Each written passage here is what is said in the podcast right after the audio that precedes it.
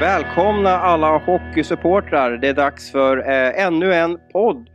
Och eh, nu är hockeyn igång Abris. Hur känns det?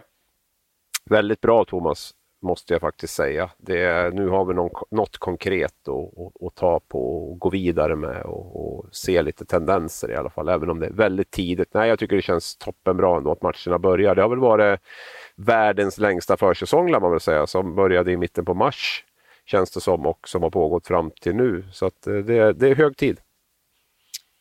Du var nere i Göteborg i helgen. Kan du berätta lite eh, din spaning från resan ner, upplevelsen eh, inför matchen? Hur var det att vara på matchen?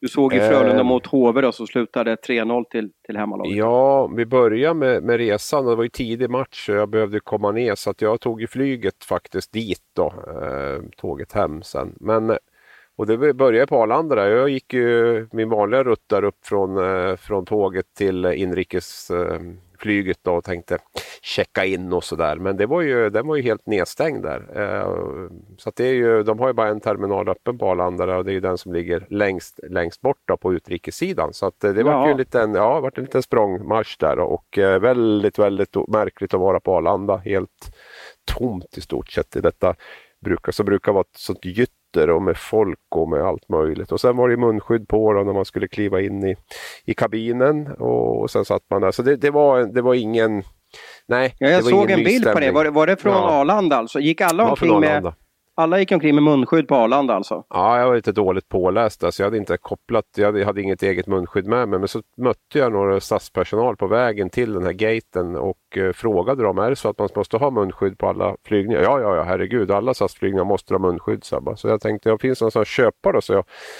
ja, men du, du, ska få ett här. Så gick de runt med något. Då fick jag faktiskt ett munskydd av, av dem där, som jag kunde dra på mig. Då, och, eh, så kände jag mig som alla andra. För alla andra på Arlanda gick runt med munskydd. Det var ju bara jag som inte hade det där. Och, eh, nu det låter som en otäck, eh, otäck uppstart på SL-premiären. Ja, nu ska jag säga till mitt försvar att jag i alla fall har antikroppar. Så jag tror inte att jag smittar någon annan i alla fall där. Och, eh, Nej, så så var det. Sen var det ju Göteborg då, jättemärklig stämning. Jag har ju varit på många, många premiärer i, i Göteborg och Skandinavium och det är ju speciellt. Du har ju också varit det. Man, man går den där eh, vägen ner från Avenyn ner mot eh, Skandinavium och alla uteserveringar där, både bortafans och hemmasupportrar laddar upp och, och, man kommer ner till Skandinavium och det är det här folkmyllret där utanför och alla förväntningar och det är varmt i luften och, och allt det där. Och sen ja, det var, det var tomt och öde. På men, men var det inte, jag vet ju vilka du pratar om de här pubbarna, var, var det inte massvis med Frölunda-supportrar som... Nej. som nej.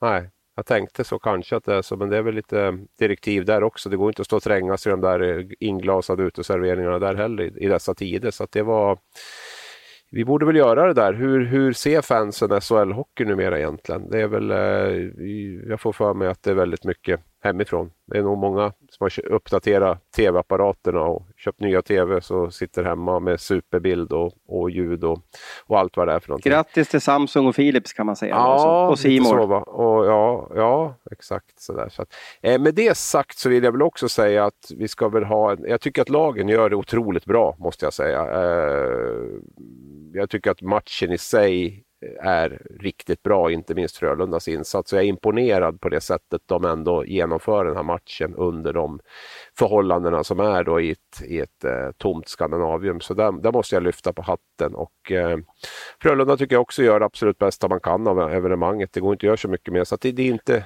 det här Men hade de, eh, hade de intro då? Alltså ja, som, det var intro. Ja. Det var som vanligt. Det var, det var lilla ja, det går, igen, det går igenom tv-rutan också. Så det, guld det är väl att, ja. och hjälmar och guld och allt sånt här. Så det, det, var, det var som vanligt så. Men det är... Och satt du ehm, på pressläktaren högst uppe vid taket? Ja, högst upp där vid taket, ja. Okej, okay. och var det liksom skyddszoner mellan dig och, och, och, och Lehmann och Rulander eller fick ni sitta bredvid ja, varandra? Vi, skulle, na, vi fick väl hålla två meter i alla fall. Det var ju ganska gott om plats. Vi var inte så himla många på, på pressläktaren där, så att det var ju... Det fanns ju plats att sprida ut sig där. Det, det Men jag har ju varit bra. inne på det här. Hur, om du rankar den här upplevelsen då.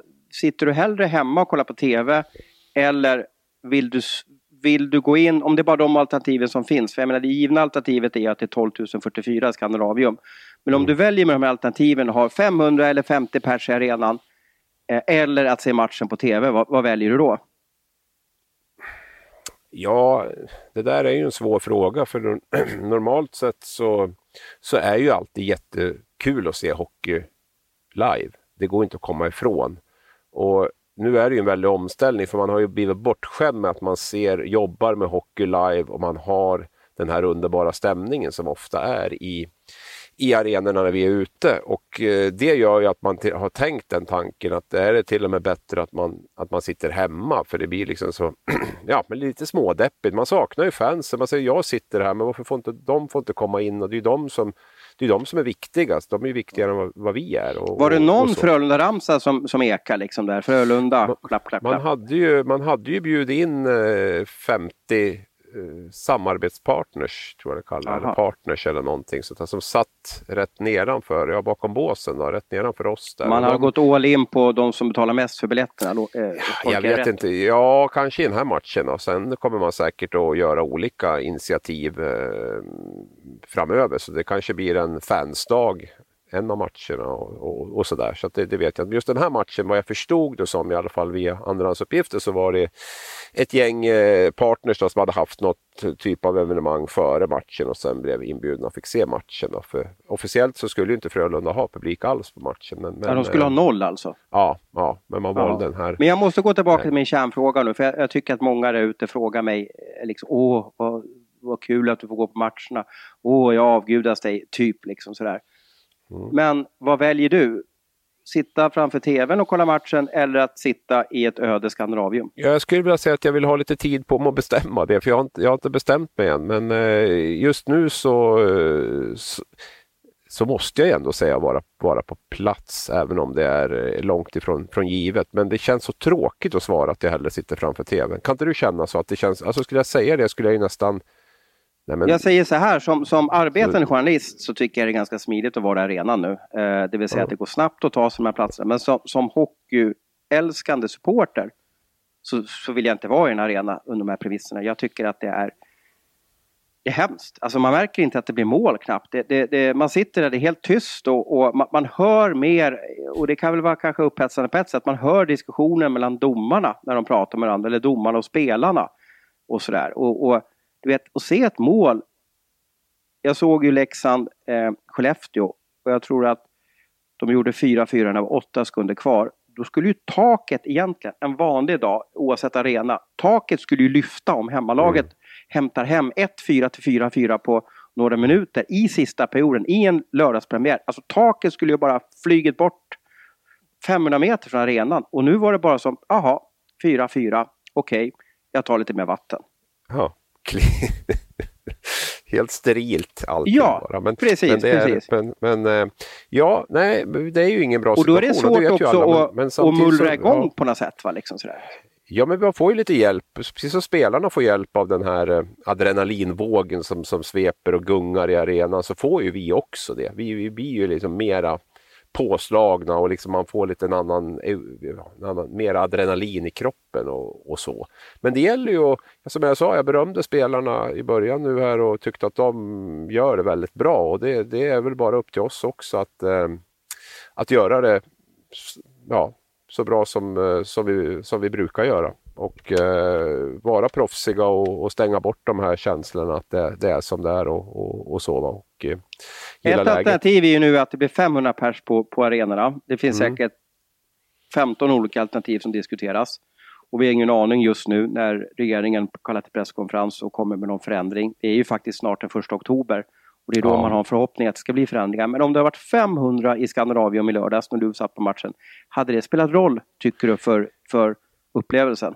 Ja, men det har det gjort. Jag, har okay. väl, jag förstår att för klubbarna spelar det kanske ingen större roll för de får nog lite mer arbete och, och kanske intäkter i form av säsongsbiljetter som redan är betalda och sådär så det kanske inte genererar ja, intäkter. Pers, stäm... då, måste de öppna ja. restauranger, då måste de ha personal till restauranger. Det, det kanske bara blir dyrare att ha 500 pers. Ja, men stämningsmässigt absolut. Ja, jag, så det räcker med 500 pers tror du? Nej, inte räcker men det blir ju bättre i alla fall. Mm. Alltså det, det, är ju, det, är ju inte, det är ju inte bra såklart men det kommer ändå göra betydligt mer från det här eh, läget som vi har nu där det, där det är helt tyst. Där du säger ta en klunk vatten när, när Cehlarik klipper, klipper in pucken med nio sekunder kvar och, och hämtar upp 4-4. Det, det är ju lite lite så och då skulle ändå det här, sen får man väl hoppas att det kommer in supportrar som ändå inte bara sitter och, och är tyst. Men det är klart, det är inte så lätt att, att leva rövare kanske om man bara är 500 där, för då, då kanske alla tittar på det och tycker det är lite så här pinsamt att sitta och... och de matcherna jag har varit på så har man ju inte fått sitta bredvid varandra. Utan, nej, utan nej, de som visst. kommer in sitter ju då två Mm. eh, platser bredvid varandra och det gör ju Ja. också att du sitter ju inte och skriker själv. Ja, väldigt få supportrar sitter och skriker själv. Jag vet inte hur du, de här uh, supportrarna eller samarbetspartnern som var i Skandinavien, om de fick sitta ihop eller om de Mm. skulle sitta med, med två meters lucka. Ja, men de satt ju, det är klart att det var lucka emellan om de inte var eh, äkta par och sånt där, för då får man väl kanske sitta ihop. Men, men de satt ändå hyggligt liksom, i samma sektion där, så man hade ju fått ihop dem ganska, ganska bra sådär ändå. Nu, eh, så, att, så det var väl, var väl bra. Vi får väl se, jag tror som du var inne på, beskedet kommer att komma idag eller imorgon. Det är jag ganska övertygad om att det måste göra. Mm. Eh, och eh, tänk om det skulle bli att, jag är så inställd på att det blir 500. Jag, jag, jag tror att regeringen går all in på Tegnell. Det har man gjort hela tiden tidigare och hans rekommendationer och FOMs rekommendationer kommer att väga jättetungt. Men tänk om det skulle bli 1500 till exempel. Då skulle det ju bli snudd på lite eufori för oss och, och, och vilken skillnad det skulle bli där. Och, eh, så att vi, vi ska väl eh, hoppas i alla fall att, eh, att det kan bli en, en, en rejäl öppning för, för publiken här, för de behövs. Sen får man ju se också vad det här leder till i, i förlängningen. Får vi ett annat beteende? Kommer det här att minska suget att gå på matcher? Du har ju varit inne på att det bara kommer att öka suget att gå på matcher, men det kan ju också vara att det blir ett förändrat beteende eh, som gör att eh, det kanske kommer en boost direkt när man får börja gå igen, men sen att det kanske går tillbaka lite grann till att man har sina häftiga tv-apparater man har köpt nu under coronakrisen och de här ljudanläggningarna och allting och tycker att det är väldigt bekvämt att, att sitta hemma. Ja, efter eh, eh, matchen jag var på i lördags så, eh, så var det en, eh, ja, några trogna lyssnare till oss faktiskt som, som, jag, som jag halkade in på. Och de hade byggt upp i eh, en källarvåning där under Coop i, i Leksand då, eh, i Mortas ellokaler där. Så hade de byggt upp världens liksom, tv-rum, alltså med projektor och allting. Så att jag tror nästan de, det där gänget där kommer nog fortsätta sitta där och, och glo på matcher än kanske gå på matcherna. Eh, det, de hade gjort det riktigt mysigt och det hade de inte gjort om de hade suttit på matcherna, så kan jag säga. Liksom. Så de har hittat ett bra alternativ till att gå på matcherna. Mm. Ja, nej, det, blir, det blir en spaning framöver och eh, följa fansen. Men du Abris, vi ska gå igenom matcherna lite snabbt här och, och göra lite småspaningar. Eh, och vi kan väl börja med den matchen du var på. Eh, Du var inne lite på Eh, att Frölunda gjorde det bra. Eh, den, jag tänker på direkt, och jag såg att han gjorde ett, ett snyggt mål där, Lukas Raymond. Hur bra är han under barnet? Jättebra fråga faktiskt. Ja, det var en av de eh, det är en av de frågorna som jag har eh, funderat på under egentligen över ett års tid. Jag har ju inte sett Raymond i så mycket juniormatcher. Jag har inte sett honom i så himla mycket juniorlandslagsmatcher förutom JVM då, där han var med. Jag har mest sett honom i Frölunda förra säsongen. Bakgrunden är att jag, det jag hör från som jag bedömer väldigt skickliga scouter och så är ju att han verkligen har det, har det lilla extra. Förra säsongen blev ju inte alls något bra. Eh, dels väldigt ung och sen hamnade ju snett i Frölunda. Det fanns ju ingen riktig plats för honom där med Lash och Sundström och allt vad det var i powerplay. Eh, så att nu, nu eh, var jag väldigt nyfiken på det där och eh, han är skicklig i powerplay, det måste jag säga. Det är ju en, det är ju en liten Lash-kopia på ett sätt, fast han har ett bättre skott. Um, men när han får utrymme, när han får lite tid att stå med pucken och fördela pucken eller avsluta själv, då är han ju toppklass. Sen i spel 5 mot 5 så eh, tycker jag att det finns, där finns det ju utvecklingspotential. Eh, just kanske bli starkare, eh, starkare med pucken. Eh, hitta, hitta lösningar även när det är eh, trångt i 5 mot 5 och så vidare. Men jag tror också att den här starten var jätteviktig för honom. Att få göra mål och få göra det i powerplay dessutom, som är lite av hans specialgren. Det tror jag var en väldigt positiv boost. För jag tyckte förra året att Var han det kändes lite direktskott eller hur, stukad. hur var det? Han fick Ja, han gick, så ja, men som Holtz gjorde i, mm, när vi var på Skoda Trophy, Skoda Trophy. där. Ja, Ja, för jag letade frågade honom efteråt krysset, faktiskt om vem som hade lärt varann. Men han sa att det är nog ingen som har lärt varann utan vi har nog lärt oss var sig. Ja, första Men han krysset. tog emot pucken va? och letade upp krysset med en Ja, han handledsskott. står, han står på sin vänstersida där och, eh, och, och, och står med pucken still. Och sen bestämmer han sig för att avsluta istället för att eh, hitta en passning. Då. Så att, eh, Mm. drar upp det med, med ett eh. Och kommer du ihåg vad Detroit scout Håkan Andersson sa om, om, om Holtz agerande? Han ville att han skulle direktskjuta. Ja, ja, absolut. Nej, men så är det. Men nu var ju det på, det här var ju inte att han fick ett direktskottsläge. Holtz fick ju ett direktskottsläge men tog emot den en sekund och sen sköt Raymond stod ju med med en typ som i en i en la- en lash-position typ, och, och, eh, och höll i pucken. Då. Eller som en, som en som styr spelet från vänsterkanten. Och sen så, och det där är ju också väldigt, väldigt bra egenskap att du har flera Alltså, det är svårare att försvara sig också när du vet att den här killen kan ju lägga den avgörande passningen men han kan ju också nypa dit pucken själv. Så att det är just att han har de här, både spelsinnet och skottet gör ju att han är eh, väldigt svår att läsa av. Kommer att, eh, Raymond bli en första kedjespelare i NHL? Ja, du ställer bra frågor. Eh, ja, men jag säger ja.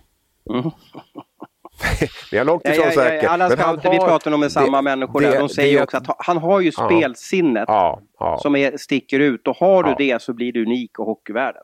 Ja, och det är det jag lutar mitt resonemang på. Han har de här sakerna. Det fattas en del i, som jag var inne på i vissa saker, men de sakerna kommer att gå att eh, träna på. Det är svårare att fylla på med det här som man redan har. Det är, eh, det är ju lite unika egenskaper. Sen är det alltid svårt tycker jag att bedöma de här spelarna som är så otroligt duktiga från de här liksom 14-15. Hur kommer, hur kommer kurvan att se ut eh, framöver? Hur hårt är de beredda att jobba? Hur, hur, hur starka mentalt är de? Det, det, det, sådana saker är otroligt svårt att, eh, att se på isen redan nu och eh, det är helt avgörande tycker jag för om de kommer att bli den där, den där extra, extra stora spelaren. Som, Men du, som men du inne på. HV då? Eh, Nollade. Mm. De, de är ju lite Ja. upphaussade och, och Mm. liksom, det känns som att oj då, HV är laget man ska slå i år. Och deras första kedja där med, med Vedin och, och, och Lias eh, och Sandin där.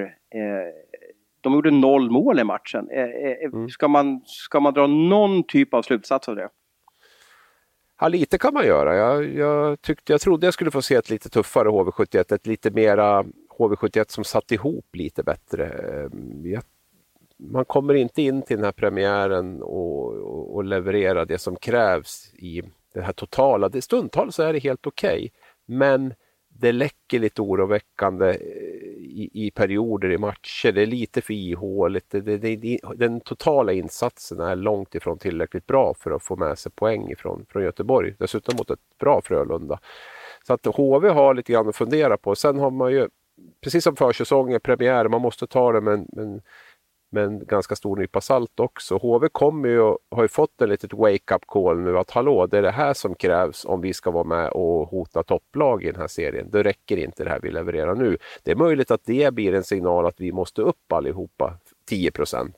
Kan ju också vara så att Frölunda, och jag har aldrig sett Roger Rönnberg så nöjd på en presskonferens som han var nu. Det var ju, han hade ju fått alla sina önskningar eh, inför matchen uppfyllda och, och Frölunda kan ju också vara att man känner att oj, det här gick bra, vi var bra, vi kanske kan gå ner några procent till nästa match och, och det, det kan snabbt ändra styrkeförhållandena. Ibland kan det ju vara bra att få en, en liten snyting också i en, i en premiär eller i en match och, och inse vad man behöver jobba med. På samma sätt som det kan vara en liten fara ibland att det går lite för lätt också. Att man tror att det kommer att gå lika lätt i, i nästa match. För att Det är tuffaste, möj, tuffaste möjlighet i starten också, börja borta mot, mot Frölunda. Ja, det kan man ju se. Samtidigt så brukar HV kunna göra det ganska bra i Skandinavien. Men jag tror att de var ganska missnöjd med sin totala insats där. Och, ehm, det, det behöver komma upp.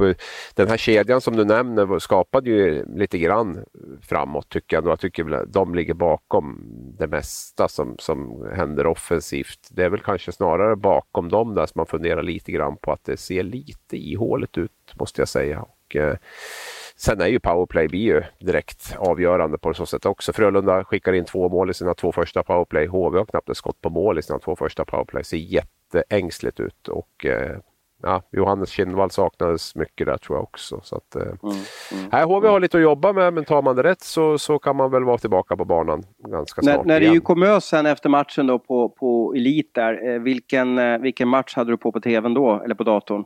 Luleå-Färjestad hade jag. Jag satt och jobbade lite och tittade på den eh, parallellt. Och den slutade alltså 4-2 till Luleå. Luleå ledde länge med 3-0, visst var det så va? Om jag minns mm. rätt va? Ja. Mm. ja. Och det här vart jag så här, äh, jag tänkte liksom, nu, nu får de kämpa Luleå där uppe, men jag tycker att de gör en sån perfekt hockeymatch på något sätt. Och de har alltså inte förlorat en premiär sedan 2011. Det är jäkligt imponerande också. Ja, om det är så med statistiken så är det jätteimponerande. Jag hade inte sett det riktigt. Det man kan säga med, jag, jag tycker Luleå är, på tal om det får jag säga en Ja, jag vet inte, jag kan ta det en annan gång förresten. Vem jag, vi, ja, men sådär kan du inte säga, nu vart det nej, jag... vet, vet du vem jag mötte på vägen från Skandinavium till hotellet? Nej, du kommer aldrig gissa. Eh, Anders Tegnell. Lars Osten Bergström. Jaha. Jaha, det var gamla general managern och gamla ja, supertränaren ja. alltså? Ja, jag var tvungen att Men det var ju, måste vara ett omen då, eller hur ska du se? Eller ska han ta över Frölunda ja, tror du? Inte. Men, men att möta honom där, jag fick liksom inte ihop det, eh, att han skulle vara där. Men vi stannade och pratade länge i alla fall och det var trevligt att träffa Osten igen. Han är nog hungrig efter hockey kan jag säga, för han ja, andas han kör ju. Hockey, han kör hockeygym där uppe i Luleå, berättade han bland annat. Sen men var, var de inte nere och spelade J-match då mot, nej, mot nej, Frölunda? Nej, nej, nej, nej. Han var nere och gjorde en bilaffär. Jaha. Jaha. Där ser Köpte man. han bil eller sålde han bil? Eller? Nej, han skulle köpa en ny, en ny eh, ja, jag behöver knappt säga vilket märke när han var i Göteborg och skulle handla kanske. Ehm, så jag tror att han, eh, ja, eh, så det, så det var han. Men jag, det, blicken där halvvägs från Skandinavien, man ser, är ju osten, eller är det inte osten, men vad gör han här? Och sen bara, jo. Hade han samma frisyr där? Alltså lite ja, ja, han var så lik. Såg, ja. ja. såg, såg ut att må bra tycker jag och, och sådär. Han är ju, han börjar ju närma sig pensionsåldern här nu så att han är väl 65 tror jag. Och sånt. Så att, eh, vad var det han sa? Nu, nu, nu drar min hjärna iväg men han, han sa ju ett citat där i någon under säsongen 94-95 var det där vi ska styra deras tankar när han pratar om motståndarna. Ja, Visst var det så? Sånt. Ja, ja det och det tycker jag är ganska... Jag brukar ja. tänka det själv att det är fan perfekt när man, när man ska liksom ha en motståndare och förhandling. Någonting, att jag ska styra vad, hur de tänker. Det, det, jag älskar det. Love it, love it, love it, love it. Det var lite... Det var lite um lite matcher där mellan Osten och Sandlin på, i början på 90-talet där när de, när de mm. möttes. Där med, ja, herregud, det fanns ledarprofiler förut också. Tänkte, Vi var inne på Luleå Tänkte va? Osten mot Bert idag på en presskonferens. Den hade ja, varit många va?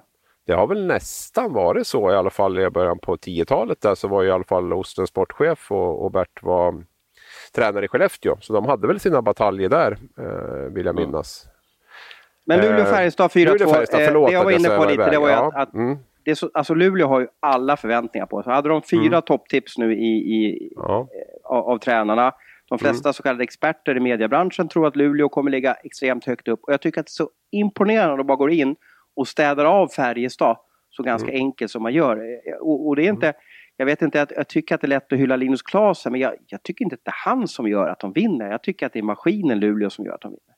Ja men så är det ju absolut. Sen tycker jag det var lite HV-känsla över Färjestad, åtminstone de två första perioderna. Jag, jag, tyckte inte riktigt att de var där, det som krävs i en, i en premiär, utan att ta någonting från Luleå som gick ut och var så bra som, som man förväntar sig. Men, men jag, ty, jag tycker att Färjestad Nej, det var, det var lite mjukt och lite sådär. Men man har ju sett det tidigare på Färjestad i matcher också. Sen har de ändå kunnat äta sig tillbaka i, i matcher och till och med kommit ikapp och sådär. det var ju, de var ju på god väg nu också. Det, det intressanta i den här matchen tycker jag på ett sätt är den här målvaktsuttagningen som eh, plockar målvakten där med tre minuter kvar då.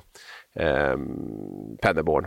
Och eh, då är ju Färjestad verkligen på gång. Man har ju, man har ju hämtat in 3-1 och 3-2 och redan 56-50 så plockar man Arvid Holm och det tar ju inte många sekunder innan Fabricius då skickar in pucken upp. Av alla människor också? Ja, jo men han är väl ofta inne visserligen i sådana där typer av, av eh, fem mot sex Jo men en profil, en av få ja, ja, som man gillar ja, om och man, man önskar ju honom alla poäng han får för han får aldrig någonting gratis där ute känns det som. Nej, men han, han, han gnuggar på. Så det där är ju en diskussion för det där hade vi uppe i det har ju blivit lite mer att det har svängt över till att ju tidigare du tar målvakt ju större chans har du att, att, att, eh, att göra mål. Och ehm, mm, jag vet inte, jag är lite, lite old school på den där faktiskt. Nu har ju Pennerborn blivit geniförklarat naturligtvis om, om Färjestad hade gjort mål där. Eh, men det, det, är en intressant utveckling att se här om det, om det kommer att gå mer åt det hållet att man plockar målvakten. Tidigare har det varit mycket det här 45 sekunder kvar, en minut kvar, då tar vi målvakten ungefär. Leksand tog ut målvakten 17-26 i tredje perioden. Ja, och då hade man två mål att plocka in va? Ja, ett mål. Ett mål bara då, okej. Okay. Ja, ja. Ja, just det. Eh, men, ja, men det är ju, jag tror vi har nämnt i någon podd tidigare att i Ryssland mm. så ser de lite, i alla fall de har sett väldigt annorlunda på det här med att ta ut målvakterna. Där är man, och det skulle vara jättekul om vi har någon, någon statistikguru där ute, eller hockeyguru, eller så är det du och jag som ska sitta och, och, och ringa Tibor Gregor eller vem nu ska ringa på förbundet och fråga. Kan vi, kan vi få facit på vad är, vad är eller så kanske domarna.se, jag vet inte vem. Vem kan ge oss svaret? När är det bäst utväxling eller möjlighet att ta ut målvakten? Och av alla tusentals målvakts, när man plockar sin målvakt, hur många är det som slutar med, med, med ett positivt mål och många, hur många är det som slutar med ett negativt mål? Tänk att få den ja. facit. Ja, men det, det, är ju det som är så fint att i mitt lilla favoritprogram Hockeylabbet där så gjorde man exakt en sån genomgång förra året och då visade det sig att ungefär sex minuter kvar var den optimala tiden att plocka målvakten. Men det känns, den referensramen, sex minuter ja, kvar, men om du vill ha statistik stor. och vetenskap jo, på det så, så Men jag så vet statistik det. när det är ganska låg, låg, litet mm. underlag känns för mig inte riktigt trovärdigt. Så att säga, liksom då. Nej, får, Hur många plockar målvakten när det är sex minuter kvar? Jag fick en känsla av att det var lite grann en... Många Men varför ska ju sex minuter kvar vara positivt då? Ja, det var störst chans att hinna göra, eh, få in pucken ja. då, i alla fall. Jag kan inte gå in exakt på hur, hur, de, hur de motiverade det. Men, men eh, och det, där kände jag att det blev en liten sån här svängning bland coacherna efter det där. Att man började mer och mer titta på att ta ut målvakten tidigare. Och det tycker jag vi såg två exempel på även nu i redan Men hade de någon här. statistik på av alla tusentals målvaktsuttagningar, hur många är det som slutar med mål i arslet och hur många är det som Ja, de hade det också. De hade också, inte bara alla tusen, men i alla fall om de, jag vet inte hur långt de hade gått tillbaka. Jag får, jag får, jag får väl eh, jag får leta rätt på det där programmet och, och skicka hoppas över det. det. Hoppas det programmet kommer tillbaka i år, för det, det var intressant och bra. Han gjorde det duktigt det där, Björn Oldén. Där. Ja, absolut. Han har varit på ett par år nu, så att det hade ju hade ju precis bytt ut Petter Karnbro som gick till Leksand det här året och, och, och plockade in, eh, nu har jag tappat namnet på, på honom. Det var ju även han ska vi väl säga som, eh, som hade den här uträkningen med de här finländska spelarna som du febrade om i, i någon, eh, något program tidigare som vi gjorde. Han heter ju något. Så a monkey i alla fall. Mm. Eh, och, typ och något sånt. Ja, precis, vi, precis. vi ska bli bättre på Men vad drar vi för slutsats av den här 4-2 matchen då? Eh, Luleå är så bra som, som vi alla tror och, och, och ja. Färjestad är bra, men du vet nu har de också torskat fyra av de fem senaste matcherna mot Luleå. Mm. Det blivit som lite spöklag för, för Pennerborn där. Ja, ja, men Färjestads, eller Luleås eh, disciplin och eh, konsekvens tror jag inte passar Färjestad så superbra. Färjestad är ju mer ett där, eh, dra från höften-lag tycker jag. Vilken, lag, eh, vilken match var roligast att se tyckte du? När, när satt du och, och, och njöt när du, när du kollade på matchen? HV, Frölunda HV. Den var roligare att se. Ja, mm. jag tycker det är kul med Frölunda också att man satsar ungt igen. Jag har saknat det i Göteborg. Jag tycker de senaste åren, även om man vann SM-guld och gjorde det jättebra, så tycker jag att man har haft ett väldigt, släppt fram väldigt få ungdomar. Nu hade man sju spelare födda 20 år eller yngre då på, som fick istid här och spelade mot HV och det, det tycker jag är Nej, det gillar jag. jag. Jag tycker de har så bra akademi där och de satsar mycket pengar på det. Och då tycker jag också att man ska Min favorit av Super-Elmer om du bara ska... Ja, har... ja det är spännande. spännande. Ja. Alltså, det, är, det är väldigt sällan vi har en forward i Sverige som är två meter lång. Ja. Um, och, och kan göra allt ju... också. Det är inte bara ja. så att han kör liksom Laumann-bingo utan han kan nej, även lura motståndaren. Ja, ja, ja. Nej, han är duktig på puck. Jag menar den kombinationen, det är klart kan du hantera kroppen och pucken så är, ju, är det ju en det är inte direkt en nackdel att, att vara lång och stor med, med räckvidd och, allt vad det innebär. Så att, eh, han ser spännande ut. Karl Henriksson i motsatsen, han ser ju inte mycket ut för världen. Han är ju liten. Och det är liksom en liten motor, men, va? Är det inte? Ja, riktig motor. Ja, precis. En riktig mm. motor. Mm. Men nu är det ju släppt Frölunda. Ja, förlåt. Ja. ja, förlåt. Mm. Vi går tillbaka men... Luleå. Nej men Luleå, Luleå som vanligt. Färjestad har jag jobbat med och det har ju de alltid. Och jag är ju, de måste ju, ja dels det här med utvisningar. Det är ju, de, de drar ju på sig jättemycket utvisningar. Och sen det här med försvarsspelet. Det är lite same same för Färjestad.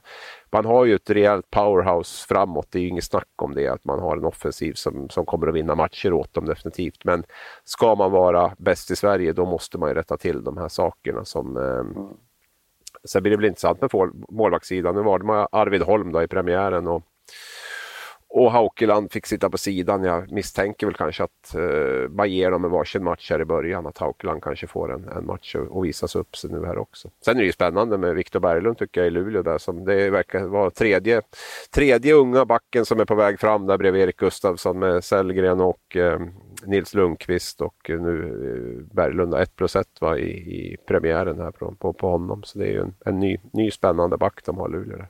Mm, mm. Eh, jag brukar roa mig att, att spela på, på oddset när det är SHL-matcher för att det är lite krydda och man, man tycker lite kul och sådär. Och, och, I de här matcherna lördag så, så, så, och jag spelar alltid singelmatcher, jag vet inte om du spelar eller hur du lägger upp det och så vidare. Liksom så, så, jag slänger in några tio där på dem, För att det liksom ska vara lite krydda, lite kul. Och den här SHL-omgången så gick jag in på en etta på Rögle. Jag kände att den var den mest säkra matchen kände jag. Liksom så och, och, det vart ju så, Rögle slog i Linköping med 6-4 fast det gick väl lite fram och tillbaka, lite upp och ner. Det var, det var lite så att jag satte halsen, eller hjärtat i halsgropen där kanske lite då. Men, men eh, vad fick du för spaning för den matchen då? Dumt matchstraff på Adam Edström. Eh, Linköping kan ju inte släppa in sex mål om man ska vinna på bortaplan. Niklas Lundström fick väl ingen bra start där om vi säger så. Det blir väl eh, intressant med Jussi Rynäs där nu. Jag tror att han kan, får han vara hel så tror jag att han kan bli ett, eh, en boost för, för Linköping. För att det är en bra jag lider med Niklas, det är en fin kille och så bara ja. få en sån där start och, och, ja. och också inslängd det här. Han har ju gått och nästan planerat, oj jag är backup, jag får stå tio matcher, jag ska mm. vara full förberedd och nu, nu blev han hastigt och lustigt och Linköpings första, första målvakt. Då. Ja, det är sådana chanser också som man kanske måste ta då. Men, men eh, nu är så, men framförallt då Adam Tambellinis eh, start eh, var väl det som, som stack ut. Vi har ju jag såg han mycket i Allsvenskan, jag pratade även med spelare som mötte honom i Allsvenskan förra året och de sa att det är ju utan tvekan den klart bästa spelaren. Svårast att möta och den bästa i Allsvenskan. Och, eh, han hade ju ett fantastiskt poängfacit eller poängsnitt också men, men det är ju alltid så här, oj då, du vet ju själv och vi drar väl under den floskeln också. Ah, ja, vi får se, SHL är ett steg till då men, men räcker det här? Kommer han bli en succé i, i eh, SHL? Han gjorde alltså ett mål och tre assist i sin premiär. Ja, det är jag alldeles övertygad om att han blir. Det som har varit är väl lite grann att han är ju kanske i grunden bättre som ytterforward, men Rögles centerbrist med Sjögren borta och Brithén borta har gjort att man har matchat in honom som center och det har väl varit lite omställning tror jag under försäsongen, för han har ju inte tokdominerat på något sätt under försäsongen, tvärtom. Um, så att, eh, att han dessutom går in och gör det här på, på en relativt ovan position gör ju att det är ännu mer imponerande. Och eh, det gör ju också att jag tror att det kommer att kunna få ut ännu mer av, av Tambellini framöver. Nej, jag, jag, jag ser inte... Är det dags att efter den här podden att vi gör vinkeln? Nu är Loobs poängrekord hotad i SHL. Måste jag, är det 76 eller vad är det? 76 var han va? 76 poäng va? Ja. ja. och den där brukar vi göra varje år efter plus fyra 42, omgångar. Visst är det så va? När någon har snittat ett högt, ja det kan Och, och fortsätter Adam det här då, mm. då, innebär hur många poäng kommer han upp i då? då? Om du 200, 52, så 208 blir det så eller? 52 gånger 4. Ja, 208 poäng då. Kan han nå 208 poäng? Tror ja du, du. Vad, vad, vad lovar du att göra om han når 200 poäng då? Eh, då ska jag cykla naken till Leksand. Mm. Ja, det är bra. Det är bra. Nej, men det är såklart ja. att inte det kommer hålla i sig, men, men eh, det, det, måste, tänk vad skönt för honom också. Nu, nu är inte han någon sådär liksom, han har ju varit med länge i branschen, men tänk vad skönt att få starta serien att trycka dit fyra poäng och bara liksom peka mm. finger åt alla som har trott att ja, ja, men du får se om du fixar SHL också. Mm. Men nu är jag nyfiken på Leksand. Det kommer inte ifrån det. Ja, precis, precis. Jag var ju Berätt. på den matchen där och ja. det var ju då... Eh, Tell me. Eh, det började med tre raka powerplay för, för eh, Skellefteå. De gjorde mål i alla powerplay. De gjorde faktiskt ett, ett fjärde powerplay-mål också på ett sätt. När det var en slovak i Leksand som var utvisad. Och han hann precis komma in och då gjorde de. Så då var de faktiskt hundraprocentiga i powerplay, Skellefteå. Kanske finns lite mer att önska av Leksands eh, målvakter där. Eh, imponerad av eh, Skellefteå, eh, Jonathan Berggren som jag intervjuade efter matchen. Eh, han får ju hjälp av Niklas Kronvall. Han har Niklas Kronvall i Detroit som en mentor då. Så att de småpratar lite och jag pratade med Niklas igår eh, om det. Eh, och eh, han, han, har väl gett lite tips till, till Jonathan där, speciellt kanske hur han ska tänka vid sidan om planen för att liksom inte bara grotta ner sig i, i hockey hela tiden. Eh, och han gjorde ett fint mål, Jonathan, där som liksom lite blev match, ja, matchavgörande i början i alla fall. Men det som var intressant där, det var ju då att Leksand hämtade igen i sista perioden 1-4 till Eh, 4-4. Och det tyckte jag var, var eh, väldigt oväntat att det blev så. Det var ett styrkebesked av hemmalaget och det var ju, jag tror jag hyllade den, den kedjan för några veckor sedan. Det är ju den här eh, första kedjan de har med slovakerna Mark Rivik, Peter Salarik tillsammans med nordamerikanen Carter Camper då. Jag, jag, jag, står fast vid att det är SHLs främsta enhet och kedja. Det, det ser alltid ut som att det är powerplay när de är inne på isen. Och det, ska bli, det ska bli intressant att se hur länge de orkar. Jag vet att du noterade ju lite eh, att de hade väldigt mycket istid. Vad kom de upp i? Såg du några siffror? Ja, det var närmare 27 minuter på, på, på, på Källarik i alla fall. De andra låg över 25. Så att det är ju extremt högt för att vara forwards. Nu var det väl en förlängning visserligen, men den var väl inte superlång så. Så att eh, nej, det är anmärkningsvärt höga, höga minuter på, på, på forwards.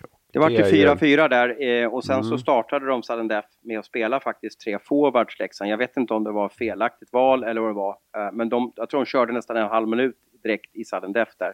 Jag vet inte mm. om de mm. försökte gå in och liksom avgöra allting. Men sen var, det, sen var de helt körda. Det var ju det som gjorde att Leksand inte hade chans att vinna hela matchen i sudden death. För att de där låg ju bara och flämtade i båset. De, de, de ja. behövde ju syrgas. De kunde ju inte spela något mer i sudden death där.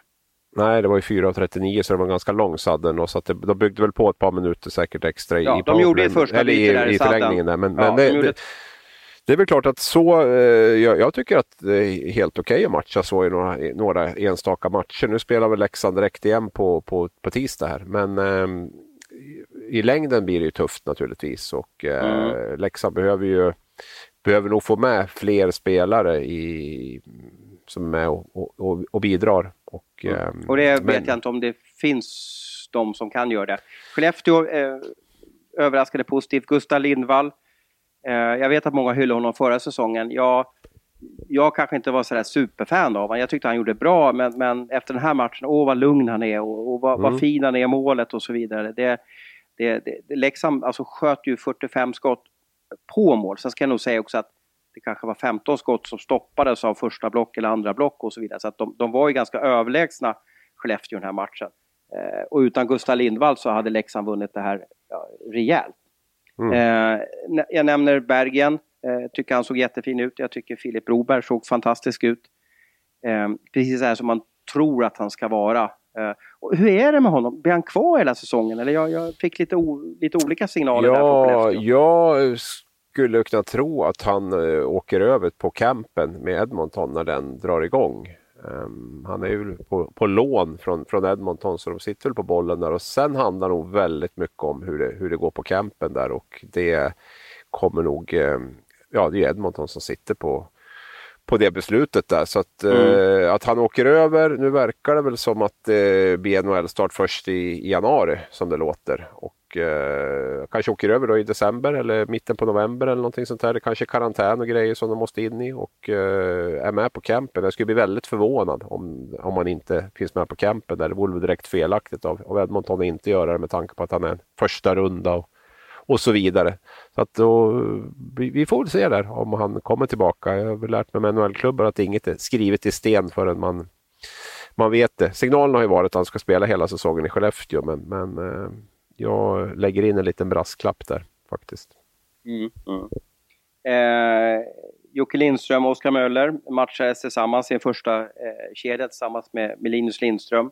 Eh, de var inte Skellefteås bästa enhet, tycker jag inte. Och det, tycker, det säger jag bara för att vara, ja, ge lite kärlek eller, eller, eller på något sätt att få att Skellefteå äntligen på rätt väg. För det är ju så att fler enheter måste producera i Skellefteå för att det ska gå bra i Skellefteå. Man kan inte bara lita sig på att ge pucken till nummer 10 så trycker han upp den i, i krysset. Utan fler måste göra mål i det där laget. Och det bevisar man ju faktiskt i den här matchen att, att nu är man faktiskt ett lag som producerar. Och sen målvakten där var helt, helt magisk. Så det kommer gå bra för Skellefteå den här säsongen. Eh, man, man valde också att göra en unik grej inför matchen. Jag vet inte om du såg det på sajten där. Att man åkte alltså buss ner de här tio timmarna på eh, fredagen ner till Leksand och bodde på Gyllene Hornet i Tällberg. Och sen så spelade man matchen och tog man bussen hem. Det är väldigt ovanligt att Skellefteå gör så här. Man brukar åka flyg till 24 av 26 bortamatcher. Det är bara Luleå man åker buss till. Mm. och det här är ju lite av ekonomiska skäl, coronaskäl, att man inte ska... Ja, det var ju som du när du var på flygplatsen. Hur, mm. hur, hur, hur du blev ju inte uppåt eller glad och, och var på ett flyg kan jag känna. Nej, nu chartrar väl kanske de här killarna. Jo, men de ska in på en flygplats och sådär. Ja, liksom. jo, absolut. Nej, visst. Så är det. Och, mm. eh, premiären har man ju gott om tid också att åka några dagar innan om det skulle vara så. Eller i alla fall dagen innan. Där. Det är inte så tätt mellan matcherna före åtminstone. Då. Att, eh, nej, en sista spaning där möjligtvis då Burström upp på 30 minuter igen. Det är ju, han har ju haft ett par tuffa år där, men eh, Niklas Burström då. Men det är intressant att se att de har sånt enormt förtroende för honom redan nu från start här. Och, eh... Jag vet hur de gjorde med honom som inte jag sett tidigare. Man hade honom framför mål i eh, powerplay. Jag vet inte ja. om det var en slump eller fel eller någonting, men då hade de en variant hur ska jag beskriva den här? Och det är så här man vill se, visa en GIF på någonting. Men du vet så här att han står vid, vid första stolpen ja, är det en stolpe säger jag framför eh, Leksands målvakt. Och så ger de, det är ju så här klassisk liksom powerplay-variant, att man passar pucken till honom och så ska han ge en snabb fint in, in i banan, in till vänster och liksom bara ja, med, en, med en egen dragning lura upp målvakten och göra mål. Mm. Mm. Hänger du med jag menar? Förstår ja, jag menar? Han står med ryggen mot målvakten, får pucken, passar till sig, gör en snabb rörelse Mm. Eh, och så sätter upp den lite då, eh, ja, i bortre, i bortre, vid bortre stolpen. Då, så att säga, liksom. Det är som en variant man har istället ja, för Han spelade en hel del, han spelade en hel del center förra året så det var väl kanske någon, någon eh, prova väl den kanske förra året då. Ja, och sen är det, det krävs ju en väldigt fin teknik om du ska lyckas göra det. Du måste göra en snabb mm. dragning, en lång dragning eh, och så vidare. Och det, det, är inte ofta man väljer att en back ska göra det avslutet. Nej, då. nej, Ja, det är sant. Han är väl duktig på just den, det movet där kanske.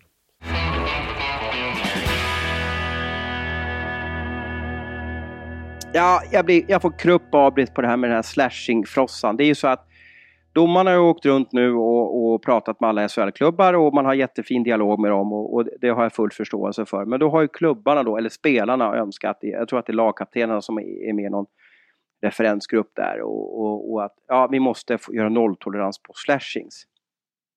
Men jag, jag tycker att det här, jag, jag vet inte om det går att göra noll eh, nolltolerans på det och jag tycker att det blir lite fel hela tiden. Jag, jag måste bara läsa upp lite matchprotokoll här nere från Catena Arena i lördags. Det var Mikael Holm och Patrik Belkander, två utmärkta domare som, som dömde den här matchen. Men vad händer i inledningen av matchen då?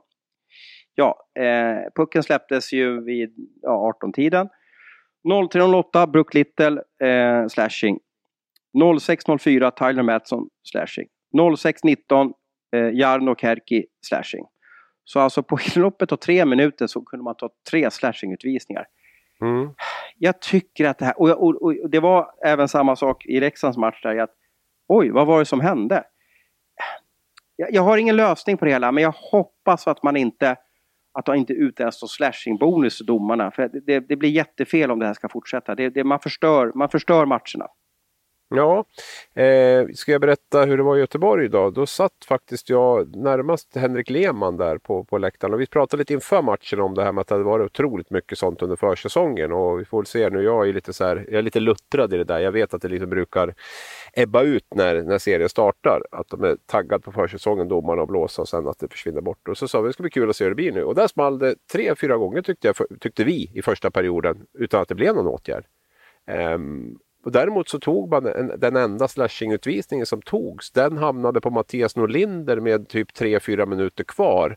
Och när jag ser reprisen på den så är det ju ingen slashingutvisning överhuvudtaget. Där, han träffar ju pucken som ligger på bladet på, på, på HV-spelaren där och det är ju en ganska tuff utvisning för Frölunda dessutom att, att få i det läget när det är HVs sista chans på något sätt att, att komma in i matchen. Det är 55-50, det är 4 10 kvar av matchen om han åker på den. Så att det där Mm, det blir, blir tuff och... Och, och slashing alltså, nu, de som lyssnar på det här har ju säkert koll på hockey så det låter som att jag, jag mm.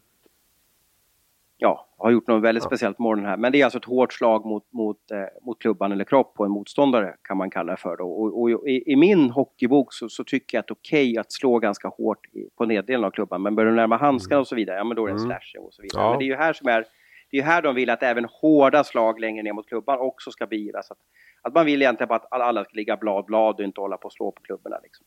Nej.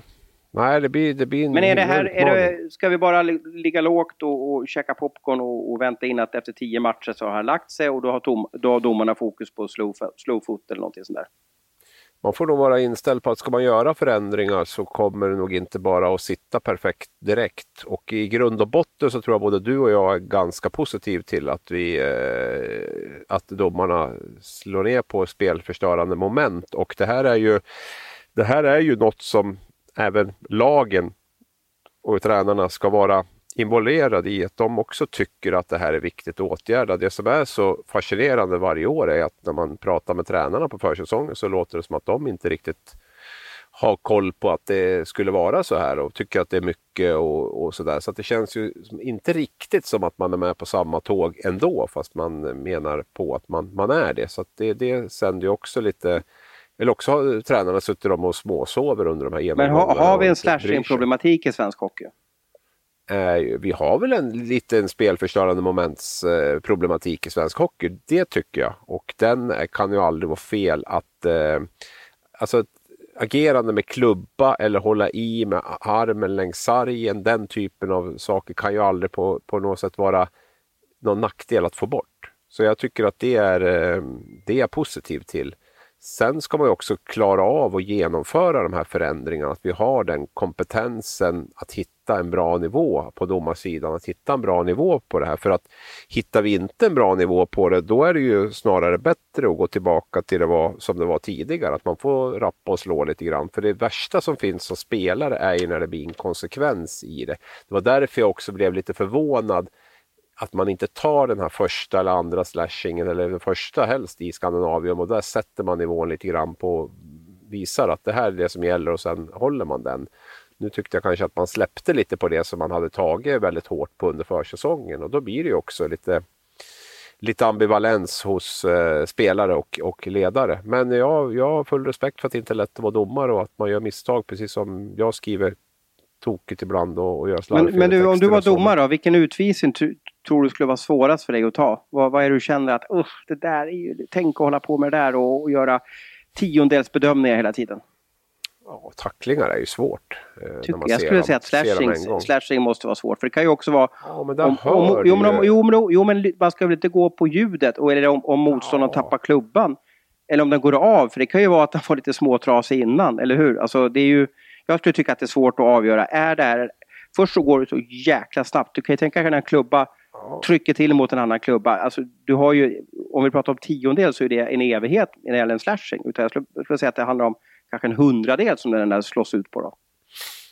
Ja, jo, nej men det är ju det är, så, så kan men det med tacklingar, menar du på att man, om den sker mot ryggen eller vad är det du tänker på då? Som nej, men svårbedömda just om det är, en, om det är eh, mottagaren som, som agerar fel eller om det är liksom ett matchstraff eller om det är lite som var inne i förra programmet där det blir ganska stora konsekvenser för vilken bedömning man gör på en tackling och det är inte alltid lätt att se vid första anblicken om, om, en, om hur en tackling är utförd. Där har man väl blivit uppäten själv några gånger när man har haft synpunkter på en tackling utan att kolla upp den ordentligt och sen ser man i efterhand att det kan vara lite annorlunda. Så det, är väl, det var väl något jag drog till med spontant bara eh, när det gäller det där. Sen är det väl bortdömda mål men det är väl, det är väl kanske, du kanske var ute efter utvisningar bara. Men, men ja, bortdömda mål så är det ju, du menar med målgården, men där har vi ändå ja. ett situationsrum som kan kolla på 27 ja, HD-kameror. Ja, liksom ja, ja, nej, men jag, jag, säger, jag säger tacklingar och har full respekt för att du tycker slashing är svårast att, att, att, att ta. Men det, det Slashingutvisningarna blir kanske inte lika kostsamma som en, en tacklingsutvisning i och med att det är två minuter. Men, men är alla utvisningar är väl svåra på, på sitt sätt. Kan jag tycka. Just det, det beror väl på vilken placering man har som domare, hur, hur fort det går, hur mycket förstärker spelaren som blir drabbad och så vidare. Så det, det, det är ett tufft jobb att vara domare. Men, men eh, Ger man sig in på att göra förändringar så får vi väl se nu då hur, hur man lyckas efterleva det här. För det, vi ska ju inte vara hela havet stormar och där ingen har koll på vad, vad som är okej okay och inte okej okay att göra och där nivåerna pendlar för mycket både mellan matcher och under matcher. Utan där gäller det verkligen för Torsbrink och kompani att, att, ähm, att hitta en, en, en bra nivå. Det är också ett problem med två huvuddomare att det kan ju vara att två huvuddomare ser lite olika på olika situationer och sådär. Det kan ju skapa en ojämnhet i, i matchen. Och det är också så, om du inte tar den första slashingutvisningen då kan du knappast ta den andra heller för då blir det ju väldigt konstigt. Utan då har du ju liksom lagt nivån. Den första händelsen som händer i matchen, om vi säger med slashing, det är ändå den som sätter nivån för var det ska ligga. För börjar du ta den andra eller den tredje, ja, alltså, det är klart att du ska ju ta den men det är svårt också som domare att göra det i det läget. Utan du har, därför tycker jag att det första agerandet är väldigt viktigt i, i en match. Mm. Jag hoppas de var tydliga och skickar ut instruktionsvideos som NHL är helt galet bra på. Vad som är exakt är slashing och vad som inte är slashing. Alltså 10-15 exempel som gått ut på någon, någon, typ av GIF eller, eller små eh, quicktime-filmer eller någonting till spelaren så man får exakt förståelse för, aha, okej, okay, vad som är tillåtet och inte tillåtet. Det är ju, för vet man inte det, då är det ju som om någon skulle fundera på, ja men ni får bara ha, köra ingresser med eh, en mening nu från, från, från och med nu. Ja men då vet man ju inte riktigt vad som är okej okay eller inte. Men eh, ja, vi får se om det fortsätter. Jag kan uppleva att jag sitter på läktaren och ändå sett hockey i ganska många år nu. Och så ser jag att domarna tar upp en hand och så bara, vad var det som hände? Vad har jag missat? Vad, har jag sovit? Har jag kollat på mobilen? Eller vad skedde? Aha, det var en slashing där. Och, och sen tittar man på folk runt omkring en och ingen fattar någonting och så vidare. Det där, det, jag har lite svårt för det här när det kommer från ingenstans va, ungefär. Men, men, och även fast när man ser grejen igen, alltså en repris på incidenten, så tycker jag heller inte att ja, men var det där en slashing? Men det är kanske, att det är kanske en vanlig period och man får vänja sig med att man måste vara extremt noggrann för vad man gör mot motståndarnas klubba eller skridsko eller någonting. Vi får se. Eh, fortsättning följer det ämnet och det är eh, någon match på tisdagen i SHL och sen så rullar vi vidare med inga full omgång förrän 1 oktober om jag minns rätt. Då. Eh, äh, vi tar en bumper. Korttidspermittering har vi skrivit upp på en rad här i körschemat. Det är alltså då att de flesta SHL-klubbar fortfarande har korttidspermitterat sin, sin spelartrupp. Hur känner du inför det här? Eh, lite förvånad faktiskt att eh, man till och med framöver då under brinnande säsong när spelarna normalt sett jobbar som allra mest eh, väljer att ändå permittera spelarna under, under, under en viss tid som det, som det verkar nu då. Och, eh, Färjestads VD, jag läste en intervju med honom, jag tror det var i Värmlands Folkblad, så var väl, tyckte väl att det handlade om sunt bondförnuft, att man måste göra det och använda de möjligheter som finns för att eh, ja, snudd, fått, snudd på fått näringsförbud och, och, och, så vidare och då måste vi, då måste vi utnyttja de eh, möjligheter som finns. Eh, jag, har, jag har egentligen bara ett problem med det här. Jag har full förståelse för att idrotten har drabbats hårt. Jag har full förståelse för att klubbarna eh, har det tufft utan publik och så. Det, det, som, det som sticker i mig är ju ändå att man har nyanställt så pass mycket, alltså dyra spelare, att man har gjort de här värvningarna. Det, det där tycker jag att man kunde ha hållit ner kostnaderna betydligt. Um, och um, du menar att Färjestad värvar Jesse Virtanen ganska sent in på... Ja, på... exempelvis då. Exempelvis då. Eller förlänger med Per Åslund eller vad det är. Och där, där hävdar man att man måste ju ha ett bra lag som kan gå långt i slutspelet för att eh, för att kanske rädda upp lite publiksiffror och, och ekonomi och, och, och, på det där sättet. Och man måste göra ett bra intryck mot sponsorer och fans med att man har ett bra lag och sådär. Och jag vet inte om det argumentet håller riktigt i de här tiderna. Jag, jag, jag har svårt liksom att svårt att se det att det är så viktigt att det eh, motiverar att man anställer dyrt och sedan permitterar och tar statlig hjälp. Ehm, jag gjorde faktiskt en liten, en liten uträkning på det där med, med, ehm, med vad det innebär att, att permittera. Då. Och, ehm, man minskar ju lönekostnaden med, med ungefär en tredjedel, 35 procent ungefär. Och jag tror det är upp till 44 000 då, som är ett sorts maxbelopp. Då. Eh, och de flesta SHL-spelare tjänar ju mer än, än 44 000, det vet både du och jag. Men om jag, som jag får ut det så sparar man ungefär 16 000 i månaden då på varje anställd vid eh, 40 procents korttidspermittering. Då, om vi räknar på 40 procent. Jag skulle kunna tro att det kan vara ett typ av snitt under, under den här perioden. Att man har jobbat mer ibland och, eh, och mindre ibland. Och det innebär ju ungefär eh, vid 100 anställda 1,6 miljoner i månaden.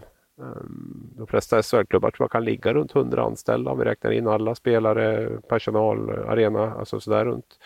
Och eh, tittar man då sedan i mars så innebär det 11,2 miljoner då för de här månaderna fram till september ut. Då. Så det är vad en klubb kan, kan spara på det här då, om min uträkning nu stämmer för att få lite hum om, om vad det är för pengar Men är det, är det ett ansenligt belopp eller tycker du att man liksom silar Nej, mycket? det är ju ett stort belopp. 11,2 miljoner är ju ganska mycket. Det, det måste man ju ändå säga. Att det, att det är, De har ändå spelarlöner på 45 miljoner kanske per, vi per månad. Ja, nej, inte 45 miljoner per månad. 45 miljoner per säsong. möjligtvis. Ja, per säsong menar jag. Ja, eh, men det man kan räkna på det är väl om du säger att de som räknar man högt så räknar man en miljon netto på en hemmamatch. Det innebär att man i publikintäkter får in 26 miljoner då, de här i alla fall klubbarna som Färjestad, Frölunda, HV och sådär. Och då är det här snudd på hälften av publikintäkterna under en säsong. Mm. Så att det Men är tycker ju... du att man eh, utnyttjar systemet eller nyttjar systemet? Jag tycker att man utnyttjar systemet på det sättet som jag var inne på. Att, eh, jag, jag tycker det blir fel att korttidspermittera när man har gjort så stora investeringar i spelartruppen. Det, det är det jag tycker. Det är det enda som sticker egentligen i ögonen på mig. Jag, övrigt har man visat att man gjort allting. Vi går in i säsongen med 15 spelare, vi fyller på med juniorer. Inga problem alls. Jag har full respekt för att, eh, för att man behöver eh, få kompensation för det, för det publikbortfallet som är. I det här fallet så tycker jag att man har varit lite, lite naiva, lite blåögda eh, och, just det lyfts fram det att det är så viktigt att man har ett så bra lag för att då kan man gå långt och man kan liksom så här Ja, den här säsongen så, så kanske man måste tänka annorlunda. Nu har jag också respekt för att det är ett upp och nedflyttningssystem och, och så vidare som, som ställer till det här med att klubbar inte vill stå där med en tunn trupp om, om säsongen går som, som, som planerat och det, man riskerar att åka ur. Så det finns ju en problematik till i det och där var jag var inne på att jag tyckte att man skulle ha övervägt och, och stängt för nedflyttning den här säsongen. Jag att det- förstår inte riktigt hur de får ihop det. För de jobbar 40 procent menar du alltså då av... av Eh, ja, som jag räknar nu så är det ju att man är permitterad 40 procent, att man är 60, Okej, jobbar 60 man får jobba och 60% det, då. och det var väl ungefär... eh, jag ja, undrar och vad där- man, där- hur man får ihop en Ja, arbetsvecka. men den, den, den stora, stora grejen som har varit är väl att restid går ju att räkna bort. Mm. Där träter man Och ju på alla, ju där träter man ju på alla arbeten om, om, om restid Ja, är arbete ja, eller inte. Det är ju, ja. När du åkte fram och tillbaka till Göteborg, du måste ändå Mm. se det som någon typ av arbetstid kan jag tycka. Ja, och oftast så absolut. Och vi jobbar vi jobbar när vi reser också. Inte Det innebär då att, tåg att. Men, eh, men ja, när, spelarna... när Skellefteå åkte till Leksand och buss då, 20 timmar, Mm. då får eh, Andreas Falk där och klockare då i Skellefteås buss, de får inte sitta och jobba utan de ska spela Candy Crush kan man säga på bussen. Då.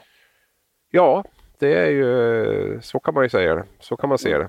Man ska inte sitta och ja, ja, eller också får man ju räkna in det. Det kanske ryms, någon timme kanske ryms, någon timmes arbetstid kanske ryms under den här restiden. Ja, Men om vi säger så här att, att, att, men- att, att man ser det som arbetstid, så 20 timmar buss fram och tillbaka, Mm. det blir ganska mycket arbetstid då på bussen. Sen är det ju så här att spelarna får ju, de gör ju exakt det de normalt sett gör med restider och allting och de får ju fortfarande sin lön i stort sett fullt ut av minus den här procenterna som går bort vid korttidspermitteringar. då. Men de, de, drabba, de drabbas ju inte på det sättet och jag tror att klubben kanske säger att antingen så lär vi korttidspermittera, dra ner lite på arbetstiden eller så måste vi börja sänka lönerna och då tror jag spelarna hellre föredrar en, en korttidspermittering på 20 procent eller vad det nu kan vara under serien. Det som det drabbar är ju, är ju skattebetalarna. Så enkelt Mm, är det ju. Det ska vi inte mm, hymla någonting med och jag, det är det är där kostnaden hamnar. De här 11,2 miljonerna som jag, som jag Mm. Det var en bra uträkning. Du, jag tyckte du satte det i, i, eh, i bra ljus och, och, och ja, att vi fick lite konkret vad, vad, hur mycket pengar det är. För det är lite svårt när Ja. man säger att de är permitterade hit och dit. Men, men man fattar inte riktigt vad effekten av det här och det är ju en ganska stor ju- effekt. Ja, framförallt om du har väldigt mycket anställda. För vi tänker ju spela trupp 20 man. Men många av de här föreningarna har ju 100 anställda. Va? Och då, då, då blir det ju en helt annan effekt av det. Och, och dessutom om du kan göra det i 7-8 månader på, på en säsong. Nu kanske jag får på fingrarna om någon som, har, som kan peka på att jag har gjort någonting tokigt i den här uträkningen. Men det får vi ta Ja, det. de är väl jättevälkomna ett att höra av sig på sociala medier. Ja, exakt. Ja. Precis. Så jag har gjort ett försök i alla fall här så får vi se om det Men kan det vara det så att. Färjestad bara tog i till 60 procent mot, mot Luleå? Kan det vara så? Att de, inte, att de inte gav Nej. 100 procent? Ja, de kan ju fråga sig det om spelarna. Men jag tror spelarna är i en sån situation så att jag tror de också känner lite grann att gör vi inte det här som jag var inne på så då är det väl lönesänkning som är nästa, nästa steg. Så därför så tror jag inte att de och de berörs ju inte på det sättet av den här korttidspermitteringen. Det är väl det här liksom, lite grann, ja, att man trycker ihop deras arbetstid möjligtvis. Då, men det blir ju mer en, en teknik, teknisk grej. Så att det, det tror jag inte att, jag tror inte det liksom berör spelarnas prestation överhuvudtaget på det sättet. De är väl nöjda så länge de kan få ut full, full lön för det de gör då, minus några procent för permittering som den anställde måste avstå där. Va? Men eh, nej, så att jag tror inte att, det, att de tog i 60 procent. Det tror jag inte. Bra genomgång, eh, snygg eh, formulering med permittering. Och sen får vi se vad, vad lyssnarna tycker och känner. Hör gärna av er till oss eh, eh, vad ni säger i den här permitteringsfrågan. Om, om man nyttjar systemet eller utnyttjar systemet. Det är vi jättetacksamma om ni gör. Vi finns ju på eh, både Facebook och sociala medier i form av Twitter. Eh, det är måndag nu när vi, när vi, när vi poddar. Matteus har namnsdag. Vad var det som du sa åh fan över mest över premiäromgången? Lite kort. Ingen fem minuters utläggning nu. Matteus är min måg, heter Matteus. Får jag hälsa mm. till honom och gratulera Ja, det får du göra. Ja, ja vad bra. Eh, men det måste bli Adam Tambellini ändå tycker jag. Så är det så? Du gick igång ja, på de här... Jag tyckte, ja, jag tyckte det var en start på en spelare som man var, var nyfiken på som, som jag eh, tycker dessutom. Släkt det är ju, med Steve Tambellini, gamla nhl Ja, det är ju liksom inga slumpassist och, och grejer heller utan det är ju väldigt fina, fina framspelningar och, och sådär så att jag tycker att han var nog the man of the match och eh, även omgångens lirare så här långt faktiskt. Så att jag, jag, jag lyfter fram Adam Tambellini.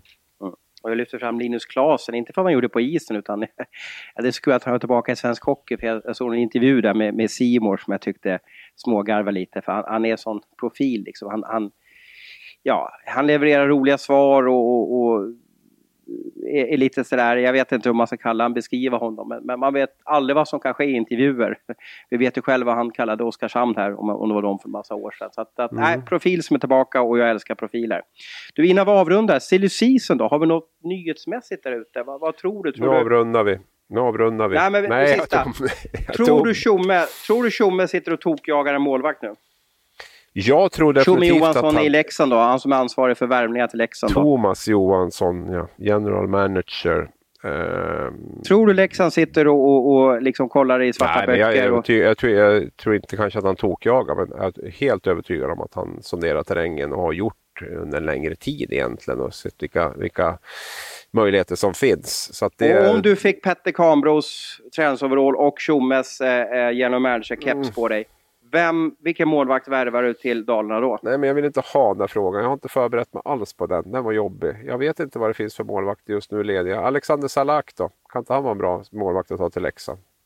Mm. Är han slovak eller tjeck? Tjeck är han väl i alla fall va? Ah, okay. Jag tänkte vi fick en, att, att Leksand fick en till slovak där tänkte jag liksom då.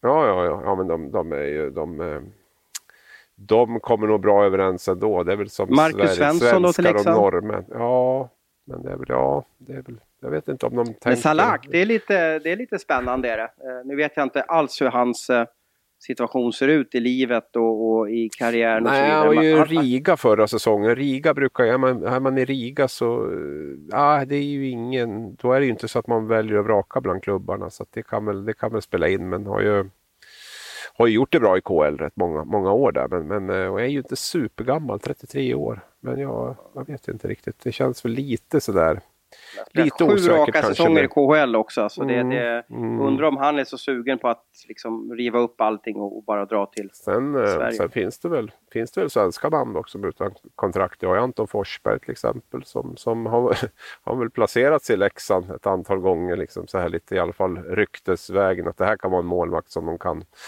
som de kan eh, satsa på. Så, där. så det, det är väl, eh, kan ju också vara rätt. Men nu misstänker jag väl att han går och, och, och väntar in väntar in ett eh, ja, Framförallt om AHL inte kommer igång nästa säsongen som är ytterst. Då, då, då, har du ju då är det ju liksom, då har du ju hundra målvakter som sitter där bara mm. och inte har eh, ja, någonstans att spela. Så att sitter man bara lite cool här så tror jag, om nu, nu är vi också inne på det här att, men vänta nu, ska lagen värva dyra spelare till sin trupp när man samtidigt tar, tar in ja, eh, pengar ja, från, ja. från Agda i Hofors på hennes pensionsskatt. Men det har man ju visat tidigare att man gör så det kanske, det kanske är, jag menar vi har ju Ryan Lash också här som, som cirkulerar runt lite grann på, på, eh, på marknaden och sådär och kanske hamnar i någon klubb. Men det jag tror man kommer att lösa de här sakerna med i så fall det är att man går in och säger att det är externa finansiärer som, som, har, som har löst det här. Vi har inte tagit något risktagande i Leksand utan det är P.O. Ejendahl som har gått in och, och säkrat upp eller att eh, Anton Forsberg kommer. Eller Swish eller ja, sådär typ. Nu höftar jag bara till med, med, med Leksand och Ejendahl här men, men att det blir en sån lösning. Jag tror inte en klubb kommer att gå ut och, och, och presentera en dyr spelare som har finansierats med, från den ordinarie spelarbudgeten. Det har jag faktiskt ganska svårt att se om jag ska vara helt ärlig nu här i, i den kommande, kommande säsongen här så länge det här med, med publiken håller i sig. Det är, mm.